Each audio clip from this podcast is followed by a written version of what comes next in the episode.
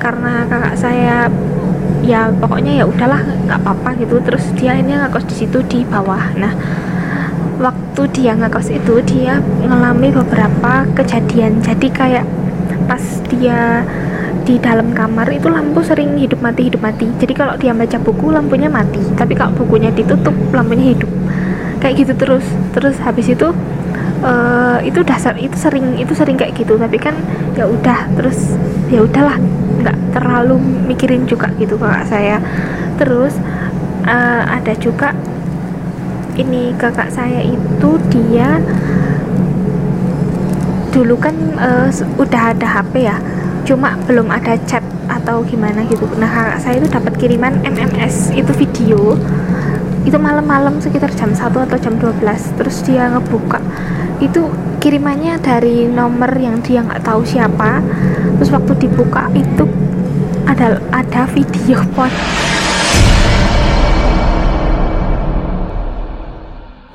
Halo Mas Gilang dan Mas Adit. Uh, Kenalkan saya Yani Oktaviani.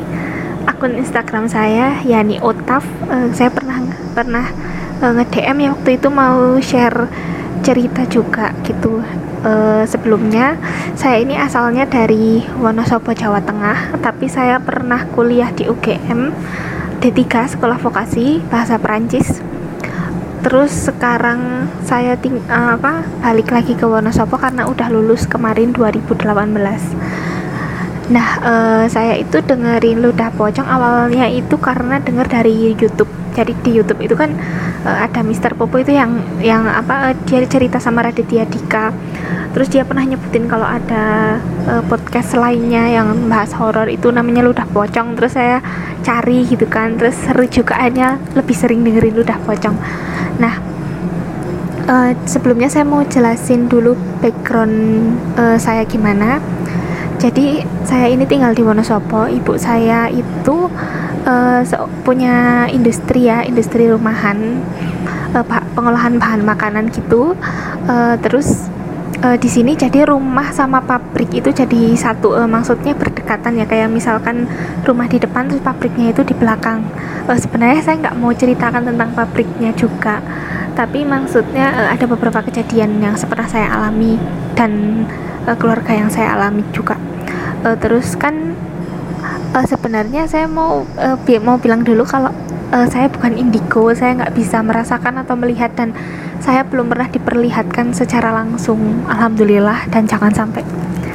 Uh, jadi uh, dulu sebelum bapak saya meninggal itu saya masih tinggal di rumah yang dulu. Rumahnya itu cukup besar dan terlalu besar menurut saya untuk ditinggali oleh empat orang rumahnya itu luasnya sekitar sekitar 700 meter persegi dan itu uh, dua lantai gitu. Uh, di situ ad, di bawah itu ada sekitar uh, dua kamar uh, tiga kamar sebenarnya tapi yang dua digabung jadi satu tiga kamar terus ada satu gudang terus ada musola terus belakang sendiri itu dapur terus ada ruang tengah. Terus di ruang tengah itu ada tangga dan ruang tamu di paling depan. Terus di atas itu ada ruang jemuran. Terus hmm, kamarnya itu tiga dulu. Tapi sekarang cuma dua karena uh, yang ruang tamu itu kan uh, atapnya kayak diterusin ke atas. Jadi yang satu udah nggak ada. Terus sekarang tinggal dua tapi dulu ada tiga. Terus satunya itu gudang. Terus ada kamar mandi sama ada uh, kayak uh, gudang tapi nggak kepake nggak uh, buat nyimpan apa-apa gitu. Jadi untuk jadi kayak cuma ditutup aja gitu. Nah uh, jadi dulu itu aku uh, saya saya kan sebenarnya lima bersaudara saya yang terakhir.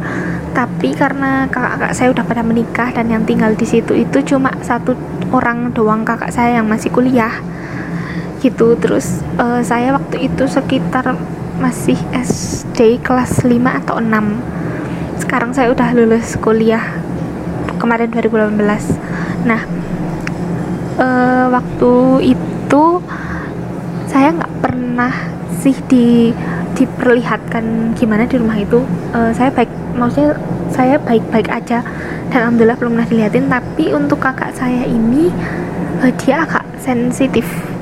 Agak sensitif dalam supranatural gitu dia agak punya sensitif uh, entah kenapa gitu kan.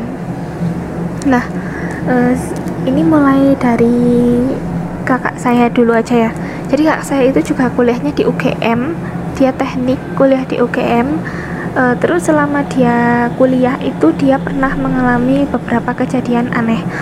Entah kenapa dalam keluarga saya kakak saya ini yang paling sensitif. Ini kakak ketiga saya yang paling sensitif terus uh, dia dia cewek. Terus dia itu pernah ngekos. Dan di kosnya itu dulu saya masih inget dia itu sering banget pindah kos. Entah kayak uh, dalam selama masa dia kuliah dia hampir kayak tiga kali atau empat kali dia pindah kos gitu.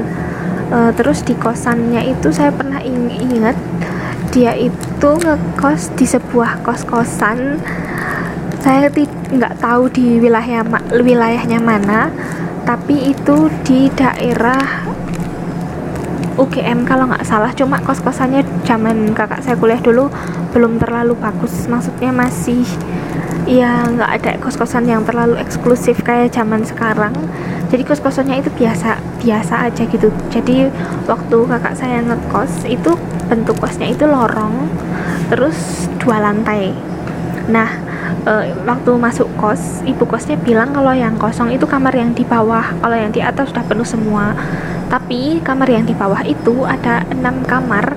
Itu nggak ada penghuninya sama sekali. Yang ram itu yang di atas semua gitu kan. Terus karena kakak saya ya pokoknya ya udahlah nggak apa-apa gitu. Terus dia akhirnya ngekos di situ di bawah. Nah waktu dia ngekos itu dia mengalami beberapa kejadian. Jadi kayak pas dia di dalam kamar itu lampu sering hidup mati hidup mati. Jadi kalau dia baca buku lampunya mati. Tapi kalau bukunya ditutup lampunya hidup. Kayak gitu terus. Terus habis itu uh, itu dasar itu sering itu sering kayak gitu. Tapi kan ya udah terus ya udahlah nggak terlalu mikirin juga gitu kakak saya. Terus uh, ada juga ini kakak saya itu dia dulu kan uh, udah ada HP ya cuma belum ada chat atau gimana gitu. Nah kakak saya itu dapat kiriman MMS itu video. Itu malam-malam sekitar jam 1 atau jam 12 terus dia ngebuka.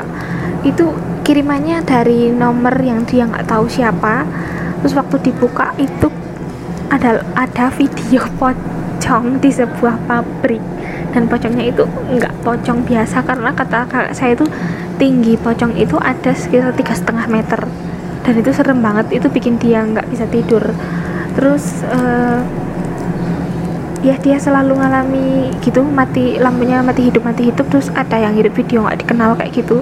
Terus akhirnya dia memutuskan untuk pengen pindah kos lagi. Terus ibu kosnya itu setelah dia memutuskan mau pindah ibu kosnya bilang kalau uh, sebenarnya memang kamar yang di bawah itu kenapa kosong? Karena kamar itu memang ada penghuninya. Maksudnya kamar yang di bawah itu memang angker jadi dikosong sebenarnya nggak dikosongkan tapi memang pada milih yang di atas daripada yang di bawah gitu. Tapi ibu kosnya awal-awal itu nggak jujur jadi ya udahlah kakakku akhirnya pindah di kos lain. Nah itu cerita tentang kakak saya. Terus ini bakalan berhubungan sama cerita yang ada di rumah saya. Jadi uh, di rumah itu saya nggak pernah sedikit pun mengalami kejadian horor. Tapi kakak saya itu akhirnya mengalami kejadian horor dan itu nanti ada di ending. Jadi sebelum jadi tapi saya pernah mengalami suatu hal yang aneh banget. Jadi di rumah saya itu kan rumahnya kan cukup luas. Jadi ibu saya punya dua pembantu yang satu bersih bersih terus yang satu khusus masak gitu kan. E, nama namanya Mbak Tina sama Mbak Koma. Nah si Mbak Koma ini biasanya bersih bersih terus Mbak Tina yang masak itu biasanya tapi nggak selalu juga sih. Kadang juga mereka tuker-tukeran gitu. Nah dulu kan masih kelas 5 sama 6 jadi itu uh, saya mandi. Itu setelah mandi saya biasanya minta dikucirin gitulah. Biasa kalau anak kecil kan dulu lambat saya agak panjang. Nah uh, ini saya jelasin denah rumah saya yang dulu. Jadi intinya rumah itu depan sendiri itu kan ruang tamu terus ruang tengah. Nah di ruang tengah itu ada tangga menuju ke atas. Terus ada juga uh, apa namanya kamar saya itu ada di situ. Jadi kamar bapak ibu kamar saya terus kamar kakak saya itu ada di ruang tengah pintunya semuanya. Jadi ruang tengahnya agak luas gitu sampai ke belakang. Terus setelah ruang tengah itu ada musola tempat wudhu terus sama belakang sendiri itu dapur. Dan dapur itu ada kamar mandi juga. Nah uh, tempat jemuran itu ada di atas. Jadi saya tuh mandi di kamar mandi yang ada di dalam kamar saya. Jadi di kamar saya itu ada kamar mandi. Terus biasanya kalau uh, saya mau mandi itu saya minta tolong mbak koma mbak siapin air panas gitu kan. Terus ya udah setelah udah disiapin saya mandi. Terus setelah mandi biasanya saya itu minta tolong mbak koma untuk minta dikucirin rambutnya. Jadi saya ke dapur langsung setelah mandi setelah ganti baju langsung ke dapur terus dapur itu kan di belakang sendiri. Terus habis itu uh, saya bilang ke mbak koma saya nyariin. Ternyata dia ada di WC dapur lagi ngosek WC terus habis itu saya bilang saya buka dikit gitu kan pintunya. Terus mbak habis ini saya dikucirin ya. Kalau udah selesai. Terus mbak koma tuh nggak jawab kayak cuma ngangguk gitu doang. Tapi dia lagi ngosek WC ngadep ke kayak membelakangi saya. Terus dia nengok dikit terus kayak ngangguk gitu kan nah udah gitu uh, saya nggak langsung ke nggak langsung pergi itu dari dapur. Di dapur kan kayak ada kaca kecil gitu. Saya ngaca bentar. Habis itu saya ke ruang tengah. Nah waktu ke ruang tengah itu kan ada tangga yang menuju ke tempat jemuran. Mbak koma tuh turun turun dari tangga itu bawa ember. Terus kan terus kan uh, saya bingung gitu kan. Lah tadi yang di WC siapa gitu kan. Terus habis itu mbak koma tuh bilang aku tanya kan mbak lo tadi bukannya masih di WC lagi bersihin kamar mandi terus Pak Koma bilang enggak orang belum bersihin kamar mandi malah orang masih orang apa baru ngangkatin jemuran. Itu itu padahal kejadiannya tuh sore ya maksudnya jam 3 jam setengah 4 gitu.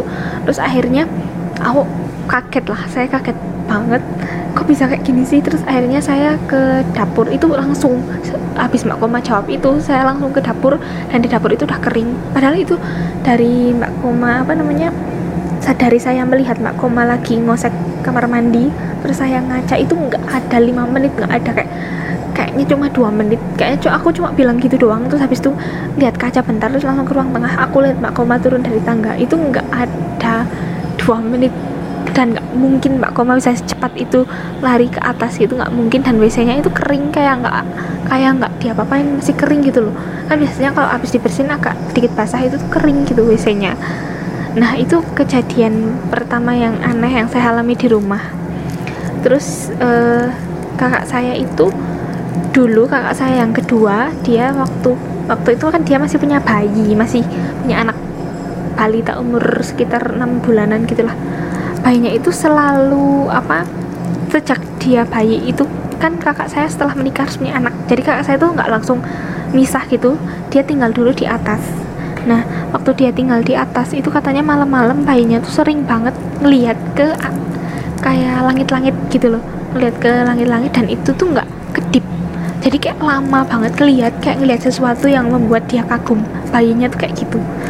Keponakan saya itu selalu kayak gitu. Dan hampir dan itu bikin kakak saya itu apa namanya kaget gitu loh.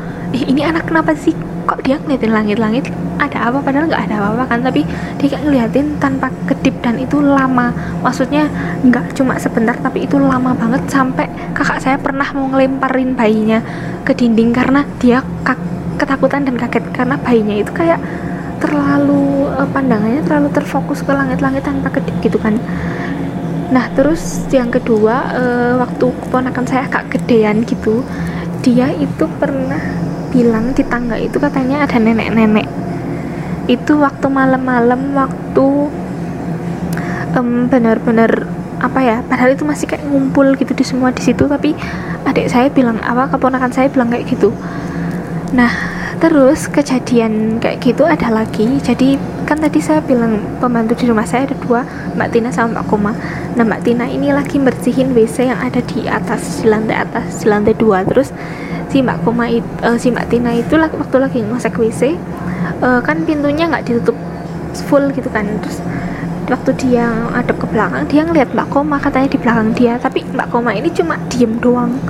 Nggak ngapa-ngapain cuma diem aja ngeliatin Mbak Tina. Terus si Mbak Tina bilang e, ngapain diem aja ngeliatin? gitu emang udah selesai gitu. Terus habis itu mak koma nggak jawab. Terus waktu mbak Tina akhirnya ya udahlah tetap ngosek aja WC terus waktu dia nengok ke belakang udah nggak ada udah hilang. Gitu. Uh, kayak gitu tuh sering kejadian yang menyerupai gitu. Terus yang saya alami keduanya itu adalah jadi saya udah nggak begitu inget tapi saya inget itu saya masih kelas 6 dan 5 SD terus itu saya keluar dari kamar. Jadi waktu saya keluar dari kamar itu saya bisa ngeliat ruang tamu jendela ruang tamu yang menuju ke taman yang ada di depan rumah sama jendela ruang tengah yang ngeliatin samping rumah. Jadi di di depan di halaman depan rumah itu ada kayak taman kecil terus ada beberapa tanaman. Terus di samping rumah itu juga ada beberapa tanaman juga kecil. Jadi ibu saya tuh pasti kalau sore itu nyiramin tanaman itu udah itu pasti. Dan waktu saya keluar kamar itu saya ngelihat ibu saya ada dua. Ibu saya itu lagi di samping rumah di tanaman-tanaman itu dan di halaman depan di taman depan depan ruang tamu itu ibu saya lagi di situ dan itu lagi nyiramin taman tanaman. Saya enggak itu saya benar-benar bingung. Itu saya kaget maksudnya kenapa bisa kayak gini? Apa ada yang salah atau saya halusinasi? Terus saya ingat kejadian yang saya pernah alami itu kan saya ngelihat e, Mbak Koma di WC kemudian dia tiba-tiba udah turun dari tangga. Nah itu saya jadi ingat kejadian itu. Akhirnya saya manggil ibu saya bu sambil deketin yang di ruang tamu. Kalau misal uh, saya bilang kalau saya bilang dalam hati kalau misalkan yang di taman depan ruang tamu itu dia hilang berarti itu bukan asli. Tapi ternyata itu emang ibu saya yang beneran yang ternyata yang di taman samping itu mungkin itu bukan ibu saya yang beneran. Dan untung saya nggak salah gitu loh. Maksudnya saya nggak salah memilih untuk memanggil ibu saya yang di taman depan rumah gitu. Itu dua kejadian sih yang menurut saya uh, saya mengalami itu yang benar-benar saya nggak ngerti kenapa bisa kayak gitu. Uh, mungkin saya kan pernah belajar beberapa teori mungkin ini yang disebut double double cancer tapi nggak tahu juga sih uh, maksudnya emang kayak gitu atau gimana saya juga nggak ngerti. Um, terus setelah itu kakak saya itu yang paling sering dikasih lihat. Jadi uh, kakak saya itu dulu yang ini kuliah di teknik UGM itu dia itu kamarnya kan di atas. Ini setelah kakak saya yang sebelumnya menikah itu dia udah pindahkan terus akhirnya kakak saya yang kuliah itu dia tinggal di atas. Nah waktu dia tinggal di atas dia itu kayak gitu.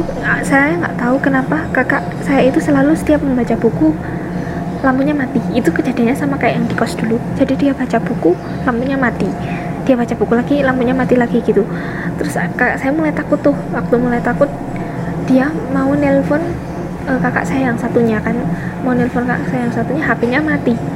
HP-nya mati terus waktu ditaruh HP-nya nyala lagi. Terus kakak saya ngambil HP lagi mau nelpon ibu saya. Padahal ibu saya itu ada di bawah ya maksudnya ya nggak usah nelpon. Tapi kakak saya udah ketakutan banget jadi dia nelpon. Mau nelpon HP-nya mati lagi. Habis itu lampunya itu hidup mati hidup mati. Dan waktu lampunya hidup mati hidup mati itu kamarnya itu kan nggak sama dia nggak ditutup. Itu ada kayak uh, bayangan hitam tapi nggak berbentuk bayangan juga sih lebih lebih jelas juga. Kayak kalau masnya tahu itu kayak di film Harry Potter ada makhluk yang namanya Dementor itu penjaga penjara Azkaban itu kayak gitu. Kata kakak saya makhluknya itu kayak gitu dan itu kayak lewat gitu. Itu kakak saya langsung gemet gemetar berkeringat terus dia langsung lari keluar dia turun dia ngetok-ngetok uh, apa namanya pintu kamar ibu saya dan itu udah jam sekitar jam satu malaman gitu. Terus akhirnya kakak saya tidur sama ibu saya terus selama seminggu itu kakak saya tidurnya itu nggak mau nggak berani di atas dan kakak saya itu sakit panas selama satu minggu. Selama satu minggu itu kakak saya sakit panas parah banget. Nah uh, habis itu kakak saya kan uh, berangkat kuliah lagi ya jadi dia udah nggak di rumah lagi. Nah selama kakak saya kuliah itu uh, di rumah saya ada sesuatu yang aneh. Itu menurut menurut saya bukan sebuah penampakan sih. Cuma menurut saya aneh aja. Jadi di kamar saya itu kan ada jendelanya. Nah jendela itu itu nggak bisa ditutup uh, rapet. Jadi nggak bisa gerep rapet gitu nggak bisa jadi kayak ada kayak waktu ditarik pun nggak bisa jadi ya udah paling segitu aja. Kayak ada apa ya celahnya sedikit gitu. Itu mau disekuat tenaga pun juga nggak bisa emang ditutup emang bisa ditutup rapatnya cuma segitu. Nah biasanya kan jendela itu mulai ditutup-tutup itu jam setengah lima atau jam lima gitu kan. Nah kalau waktu maghrib itu saya yakin betul itu maghrib. Itu hampir bertahun-tahun jendela itu nutup sendiri ketika maghrib. Jadi kan tadi kan kalau ditutup orang grep gitu kan nggak bisa rapet. Tapi kalau maghrib itu tiba-tiba itu kayak ada suara grep dan itu rapet. Itu setiap jam 6 misalkan itu memang keeroran yang ada di, di jendelanya kenapa bisa setiap jam 6 setiap maghrib setiap azan? Itu saya yang menurut saya itu agak aneh itu saya uh, paham banget dan saya pasti apa ya menandai banget kalau itu pasti jam 6 itu jendelanya tutup sendiri. Jadi pernah suatu hari saya cobakan nutup uh, apa namanya nutup jendela itu dan saya pastiin itu tuh emang jendela nggak bisa ditutup saya rapat jadi masih ada kayak celahnya sedikit. Nah terus saya lihat jam waktu itu jam 6 dan beneran itu ada suara jendela grep dan itu emang jendela itu uh, ya nggak tahu sih kenapa bisa kayak gitu. Saya juga nggak ngerti. Terus dulu di rumah saya itu sempat pasang CCTV untuk di depan rumah. Jadi CCTV-nya itu ditaruh di ruang TV uh, eh, apa ya monitornya CCTV itu ditaruh di ruang TV jadi biar waktu kita kayak maksudnya kan keluarga sering ngumpulnya di ruang TV ya di ruang tengah itu. Jadi bisa kayak ngeliat gitulah. Nah waktu jam sekitar 9 malam itu saya ngeliat di CCTV dan itu bukan bukan cuma saya yang ngeliat tapi ya, bapak saya juga ngeliat itu ada anak kecil di CCTV dan dia lari-lari di depan gerbang. Di depan gerbang rumah saya itu dia lari dan itu anak kecil maksudnya anak kecil jam 9 malam itu nggak mungkin banget. Kalau untuk di kampung saya kata karena kampung saya ini tergolong kampung yang sepi sepi banget nggak nggak banyak anak yang nggak kayak maksudnya kalau di desa-desa atau di kampung-kampung kan kadang uh, ada anak yang masih main sama segitu. Kalau di tempat saya itu nggak ada sama sekali. Emang di sini orang-orangnya kayak apa ya tertutup gitu. Uh, nah terus waktu itu kan apa namanya karena ibu saya kan juga nggak pernah ya dikasih lihat gitu sama kayak bapak saya juga nggak pernah gitu-gitu terus. Uh, tapi ada suatu kejadian juga itu pembantu saya yang lain dia di rumah. Jadi waktu itu dia di rumah itu sendiri karena saya sama bapak sama ibu sama kakak juga lagi nggak di rumah lagi pergi. Terus dia itu di rumah di rumah saya itu sendiri untuk jaga rumah. Tapi dia biasanya minta uh, apa minta anaknya dia untuk nemenin juga di situ. Nah tapi kebetulan waktu itu dia sendiri di rumah nah waktu dia sendiri di rumah itu ini kejadiannya sama juga. Saya rentang waktu saya masih SD nah waktu dia sendiri di rumah kan di atas lantai dua itu ada apa lukisan kan? Lukisan Ka'bah gitu yang lumayan gede. Nah lukisan itu jatuh. Brok. Itu tiba-tiba banget lukisan itu jatuh. Tapi ini nggak tahu sih ini memang jatuh karena memang pakunya yang udah nggak kuat atau gimana tapi ada kejadian sebelumnya juga. Jadi pembantu saya yang jaga rumah saya itu uh, sebelumnya dia dengar bel. Jadi bel gitu beberapa kali terus dia ngeliat di CCTV emang ada orang emang ada orang di depan gitu kan. Terus habis itu dia mau keluar mau bukain tapi orang itu udah nggak ada gitu. Dan itu kejadian kayak gitu sering dialami saya sama pembantu saya itu sering sering banget dan sebenarnya bapak saya juga ngalami kalau kejadian yang soal ada apa bel tapi nggak ada orangnya itu sering. Tapi kalau pembantu saya ini dia emang lihat orangnya itu di CCTV itu ada gitu. Nah ada cerita lagi dari pembantu saya yang lain. Jadi pembantu saya yang lain itu ada juga yang nginep uh, nginep di rumah. Tapi uh, dia nggak lama juga sih karena dia cuma dia kerja terus habis itu nggak lama terus uh, karena dia udah agak terlalu sepuh ya terus akhirnya dia keluar gitu. Nah tapi pembantu saya ini tergolong lumayan berani menurut saya karena dia tidur di uh, jadi kan ini kan rumah ini kan rumah saya anggap aja di rumah ter kayak rumah ruang tamu terus ruang tengah itu rumah saya. Nah di sebelah ruang tengah sebelah kirinya itu ada lorong terus yang di lorong-lorong itu adalah gudang untuk nyimpan uh, olahan bahan makanan itu. Dan di di sebelah gudang itu ada kamar mandi sama ada satu kamar kosong. Nah di uh, pembantu saya itu tidur di situ. Tidur di situ kata dia itu dia pernah waktu tidur dia itu kayak apa ya namanya ngelilir. Itu jam 2 atau jam 3 terus dia ngerasa ada yang meluk dia dari belakang. Nah waktu dia pegang tangan orang. Dia nggak tahu ya itu orang atau apa tapi ada yang meluk dia dari belakang. Karena dia tidurnya kan miring gitu terus ada yang meluk dari belakang. Terus waktu dia raba tangan seseorang yang meluk dia itu katanya jari-jarinya itu sebesar pisang.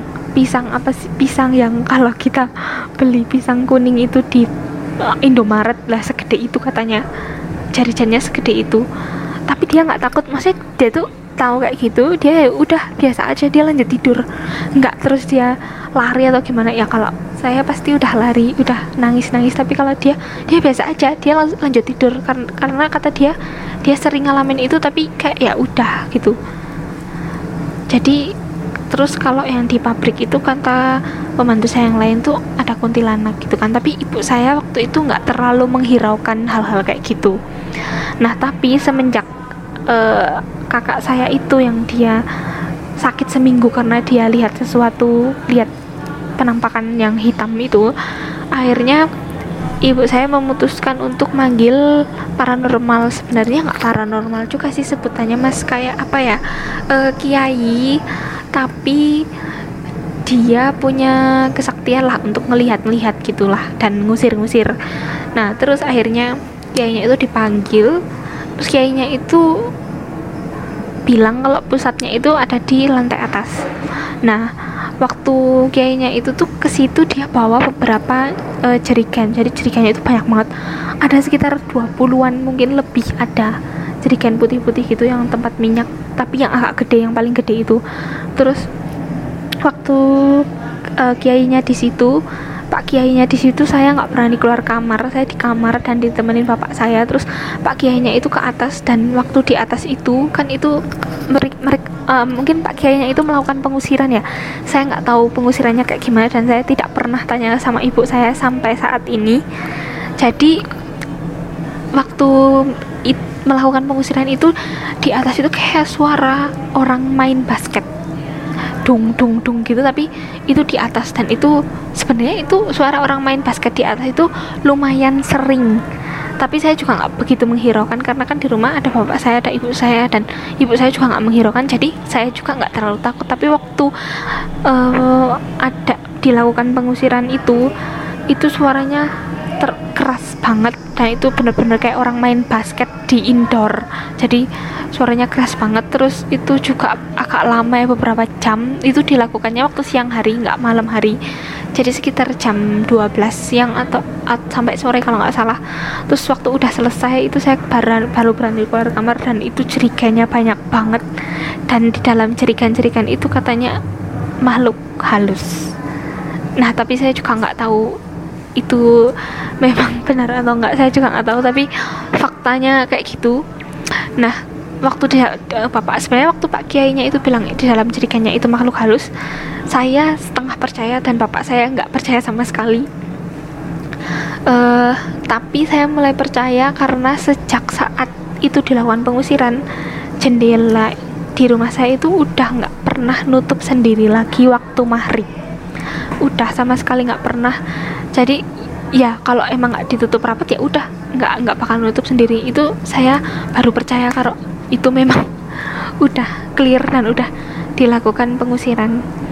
Uh, tapi sebenarnya saya sangat apa ya namanya uh, beruntung dan bersyukur bersyukur banget udah dilakukan kayak gitu. Karena entah kenapa rumah saya jadi hawanya itu beda dari sebelumnya. Kalau sebelumnya itu kayaknya mau dapur sendiri aja nggak berani. Tapi kalau waktu udah dilakukan itu entah kenapa sekarang berani.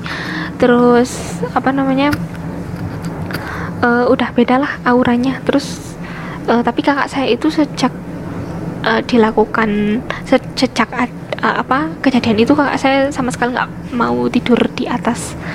Dan waktu dia udah menikah dia langsung buru-buru pindah rumah gitu. Dia nggak menetap dulu di tempat saya itu nggak langsung buru-buru pindah rumah. Nah itu itu itu kejadiannya juga itu beberapa kejadian sih di rumah saya yang dialami pembantu saya sama kakak saya dan saya. Terus uh, ada juga kejadian yang dialami bapak saya tapi itu juga nggak langsung. Ini soal tuyul jadi uang ibu saya itu sering banget hilang dan hilangnya itu dalam jumlah yang banyak. Dan ibu saya kayak udah kesel gitu kan. Akhirnya dia setiap dapat uang dari itu pendapatan dapat uang gitu dari hasil jual belinya itu ya. Langsung ibu saya taruh di bank gitu karena itu udah sering banget kehilangan uangnya. Tadinya ibu saya curiga sama salah satu mungkin pegawai pabrik atau pembantu saya gitu kan. Tapi masalahnya itu ibu saya punya berangkas jadi uang itu ditaruh di situ dan dikunci dan berangkasnya itu nggak kebuka sama sekali tapi kenapa uangnya itu bisa hilang? Itu kan berarti udah bukan manusia lagi. Tadinya awalnya saya nggak percaya pasti ibu saya aja yang lupa gitu karena ibu saya juga kadang agak lupa gitu kan sesuatu. Uh, tapi saya waktu itu sempat percaya juga karena jadi ayah saya itu naruh uang uh, eh, 200 ribu di dalam amplop. Dan amplopnya dan uangnya itu nggak cuma ditaruh gitu aja nggak tapi uangnya itu dilipat terus di strapless. Dan itu benar saya lihat ada dua lembar terus di strapless dimasukin ke amplop dan amplopnya itu dia lem dia lem. Terus kan habis itu uh, selang beberapa hari itu cuma ditaruh aja gitu. Dan itu ditaruhnya di mobil.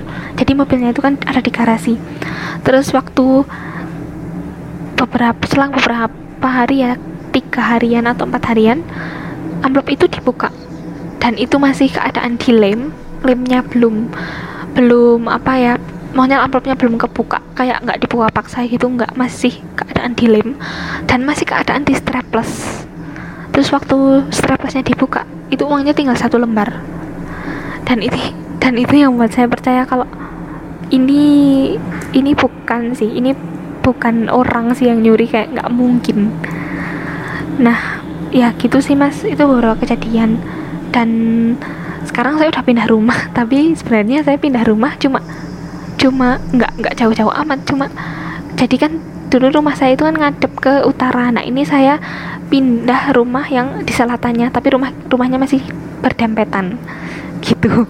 Tapi alhamdulillah sih udah nggak pernah ada kejadian yang kayak gimana gimana lagi di rumah yang baru ini. Dan mungkin karena udah dilakukan pengusiran itu saya juga nggak tahu juga.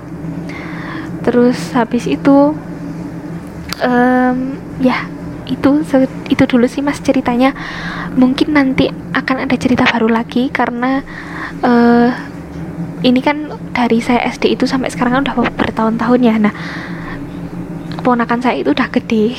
Terus dan saya baru tahu kalau dia itu indigo. Dan nanti saya mungkin bakalan share cerita-cerita dari keponakan saya yang ponakan saya alami langsung gitu.